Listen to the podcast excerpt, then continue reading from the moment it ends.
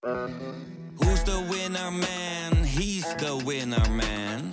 Is hij miljonair? Geen idee, maar nou en. Je hebt geen jackpot nodig to be a winner man. Oh oké, dat is wel lekker man. Bla bla bla bla bla bla. Bla bla bla bla. Idealen zijn prachtig, maar woorden verliezen betekenis als je niks doet.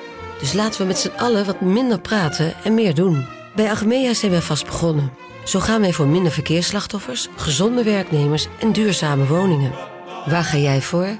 Kijk op www.werkenbijagmea.nl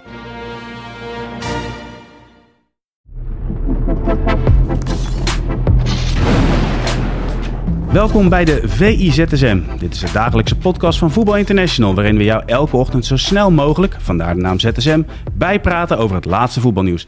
Ik ben Jarno Vrij en ik zit vandaag aan tafel met niemand minder dan Pieter Zwart. Pieter, in deze snelle podcast gaan we het vandaag hebben over Jong Oranje. Dick Schreuder uiteraard, maar we beginnen met Jong Oranje. Want het meest gelezen item, ja, dat was dan in dit geval de VI Live. Waarin uh, ja, de kijkers, lezers op de hoogte worden gehouden van ja, de verrichting in Georgië. Ja. En ja, als ik dan kijk naar de wedstrijd, dacht ik het eerste half uur, nou, dit kan niet fout gaan. Ja, dat was ongelooflijk. Het was uh, kans na kans na kans wat ze aan het uh, creëren waren. Ze raken binnen 10 minuten raken ze twee keer de paal. En je dacht echt van, nou, als je nu binnenvalt, dan ga je echt een uh, wolk in de park, ga je naar die ja. overwinning toe. Alleen ja, in die fase waarin ze heel dominant waren, waar je eigenlijk ja, voor het eerst dit toernooi het idee had van, oké, okay, nou, dat plan dat er was met Jurgen Ekkelenkamp als soort van hangende rechtsbuiten en dan opkomende rechtsback, in dit geval met Milan van Ewijk erachter, begint eindelijk te werken. In die fase maken ze niet af. En nee. toen zag je dat uh, ja, Jong Georgië, ja, die had het op een gegeven moment ook wel door, dat het niet zo handig was om iedere keer Milan van Ewijk daar helemaal vrij te laten staan. Dat duurde wel lang trouwens hoor. Duurde wel even, ja. Maar toen gingen ze op een gegeven moment met vijf verdedigers spelen. En dat ja. in de rust konden ze dat echt goed neerzetten. Ze hebben ook al eerder dit toernooi zo met vijf verdedigers gespeeld. Dus dat was niet helemaal nieuw voor ze. Ja, en eigenlijk daarna was het heel moeilijk voor Oranje om nog uh, fatsoenlijke kansen te creëren. Kwamen ze daar eigenlijk niet meer uh, doorheen. En ja, duurde het ook heel lang ja, voordat er een soort van plan B kwam. En toen dat plan B kwam, toen dacht je ook van... nou, ik kan me niet voorstellen dat hier uh, op getraind is. Dat zag er eigenlijk niet uit. Ja, dat wilde ik aan jou vragen. Ben je het met me eens met het volgende? Als je naar het eerste half uur België kijkt, hoog niveau... denk je, nou, het is wachten op, de eerste, op het eerste mm -hmm. doelpunt. Eerste half uur Georgië, hoog niveau, wachten op het eerste doelpunt. Maar in plan B dat je denkt van hoe kan het verschil als je naar het eerste half uur kijkt dat het zo goed sprankelend veel kansen creëren. Want Van der Looy had het vooral na afloop over het rendement. Maar kansen creëren dat is voldo voldoende gedaan. Maar dat dat plan B dan zo beperkt is. Nou dat klopt. En ja ook ja, er verandert iets in de wedstrijd, dan veranderen de ruimtes. En ja, kun je je daar dan ook uh, op aanpassen. En ja, als je dan kritisch kijkt naar dit toernooi. Kijk, Van der Looy die zegt uh, nou, dat ze te makkelijk soms goals tegen hebben gekregen en uh, het zelf niet hebben afgemaakt. Maar dat het daartussen goed was.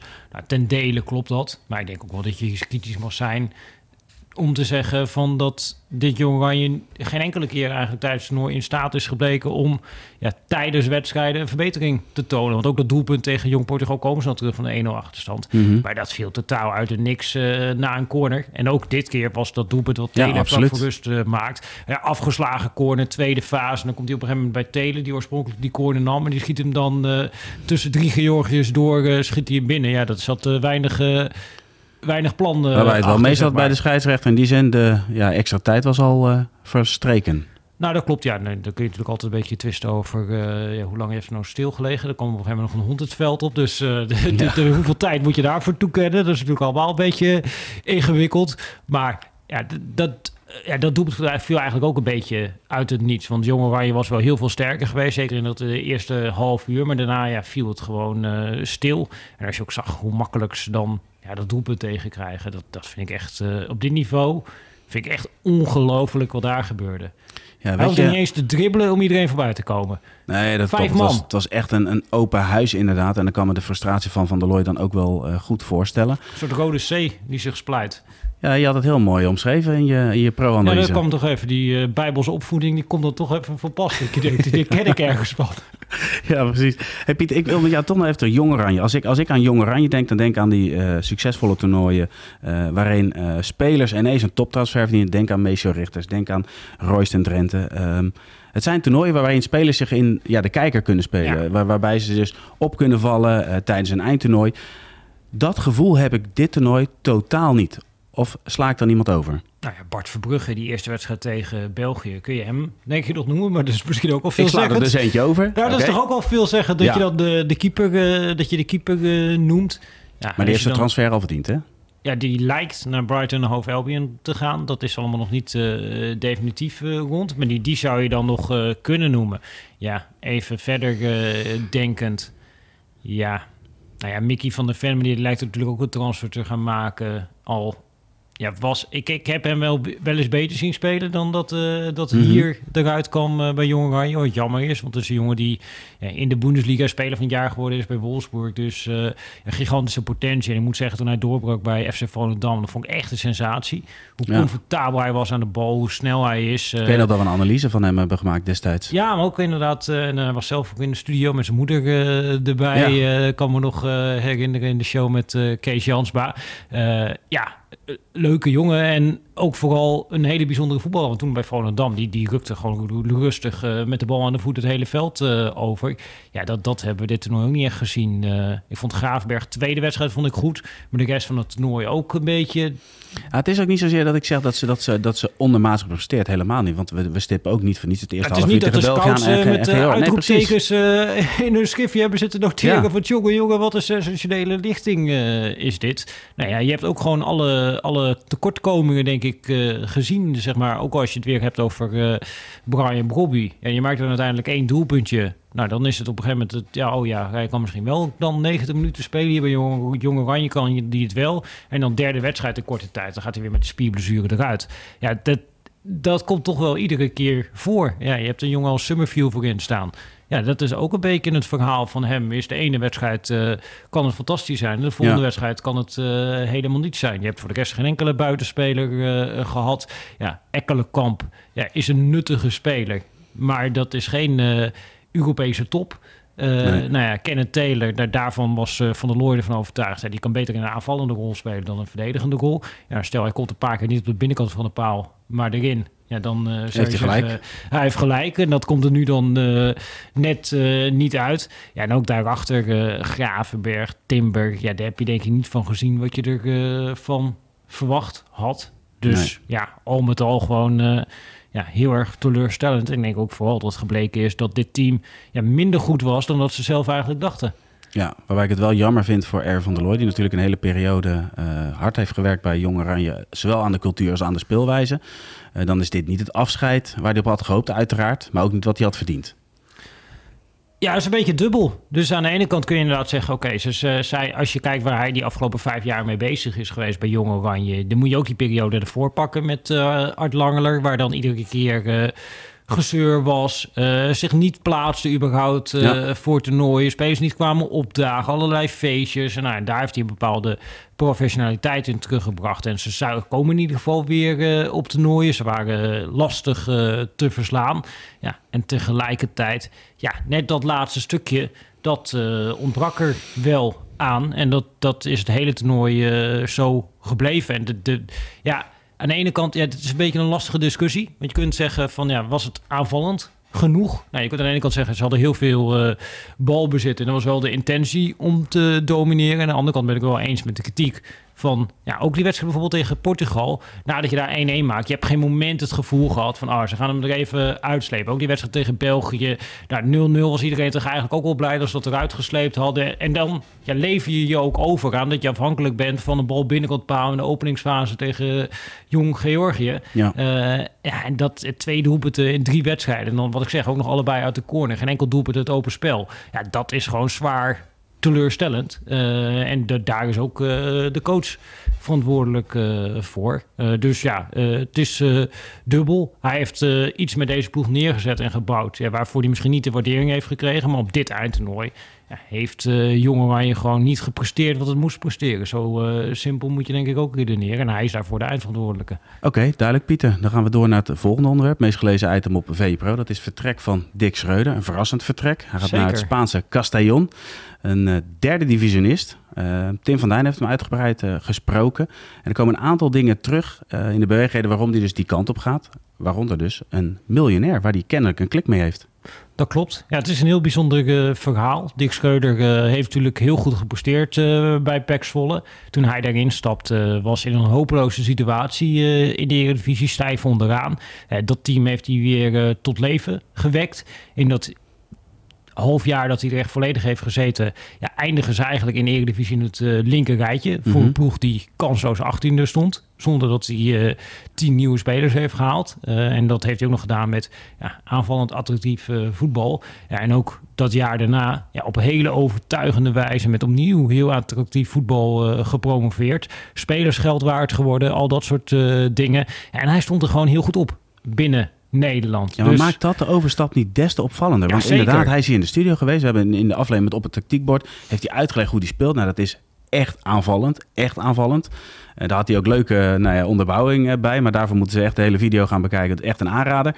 Maar dan heb je het over clubs in de eredivisie die interesse tonen. Hij Ja. gaat met Zwolle naar de eredivisie. Er wordt zelfs in, in bepaalde geruchten... werd er, werd er een topclub nog aan hem gelinkt. Hoe kan het dan dat hij ineens naar derde niveau Spanje gaat? Nou, dat, dat is een hele goede vraag. En Tim van Duin probeert, eh, een van onze jonge collega's, die probeert daar een eh, antwoord eh, op te geven. Ja, dat zijn gewoon een aantal aspecten die denk ik mee hebben gespeeld bij die keuze van Schreuder. Ja, één aspect is natuurlijk ook ja, de mogelijkheden bij PEC. Nou, daar bleek gewoon dat ja, financieel ja, eigenlijk alles wat daar eh, verkocht werd, dat moest eh, benut worden om weer gaten in de begroting eh, te dichten. Ik denk dat dat meegespeeld heeft. Dat ja, als je in die situatie zit, dat je dan denkt, oeh, ik weet niet wat er dan echt mogelijk is straks voor ons in de Eredivisie. Als alles wat vertrekt, dus je er niet echt vervanging voor kan Mhm. halen. Dus ik denk dat dat een aspect is. En ja, dat hij ja, geïnspireerd is geraakt door deze man. En deze man heeft een beetje, de eigenaar, die heeft een achtergrond. Ja, dat lijkt een beetje op de achtergrond van de eigenaren van eh, Brentford. En die zit dus natuurlijk ook de eigenaar van Micheland en de eigenaar van Bright, wat dan ook de eigenaar is van Union. En dat zijn eigenlijk mensen die ja, rijk zijn geworden door ja, een soort van eh, ja, statistische modellen los te laten op dan wel poker, dan wel eh, het gokken op wedstrijden. Door daar gewoon heel analytisch naar te kijken. En ook op die manier een club willen runnen. En deze club op derde niveau in Spanje ja, heeft ook de ambitie om dat te doen. Die zijn eh, ja, via hun modellen uitgekomen bij Schreuder. En hij is op een gegeven moment gewoon Maar dat staat al lang op de radar, hè? ja, en hij is, eh, heeft het eerst afgehouden. Ze bleven terugkomen. Is hij op een gegeven moment die kant op gegaan. Ja, en toen hij die kant eh, opging, ja, toen is hij eh, overtuigd geraakt. En ik denk dat het ook wel meespeelt. Dat, het is ook gewoon een avonturier. Hij heeft eerder in de Verenigde Staten heeft hij natuurlijk gewerkt. Hij heeft in Duitsland gezeten met zijn broer. Hij is op veel plekken is hij Ja. geweest. Ja, en dat dan ja, dit project, dat je dan toch denkt, ah ja, ja als die man zijn woorden nakomt, ja, dan kunnen we misschien dit team leiden van het derde niveau in Spanje naar de Primera Division. Dat is in ieder geval eh, de ambitie. Ja, moet je altijd kijken wat daar daadwerkelijk van terecht komt. Maar stel dat je die ambitie realiseert, ja, dan sta je er in één keer eh, in Europa ja, ontzettend goed op. En Ja, blijkbaar, ze zes eh, jaar voor uit, hè? Om dat te halen. ja, precies. En blijkbaar heeft hij daarvoor gekozen en heeft hij ook het vertrouwen dat hij daar ja, langer termijn ja, die kans krijgt. En tegelijkertijd, ja, er schuilt natuurlijk altijd risico in. Ja, als het niet lukt op het derde niveau in Spanje, ja, dan eh, begin je ook weer eh, onderaan eh, de ladder. Dus hij, hij neemt een gok. En het is een ja, gok die denk ik bijna niemand eh, zou gaan komen. Nee, dat klopt. Maar de- als je dan weer terug gaat naar Pek Zwolle, dat was op dat moment ook een lastige situatie om, om in te stappen. Maar zeker de manier waarop hij dus instapt met super aanvallend voetbal, terwijl je tegen degradatie. Ik, ik heb sowieso het idee dat hij soms anders denkt dan de gemiddelde trainer. Dat klopt, dat klopt. En ik denk dat er ook wel meespeelt.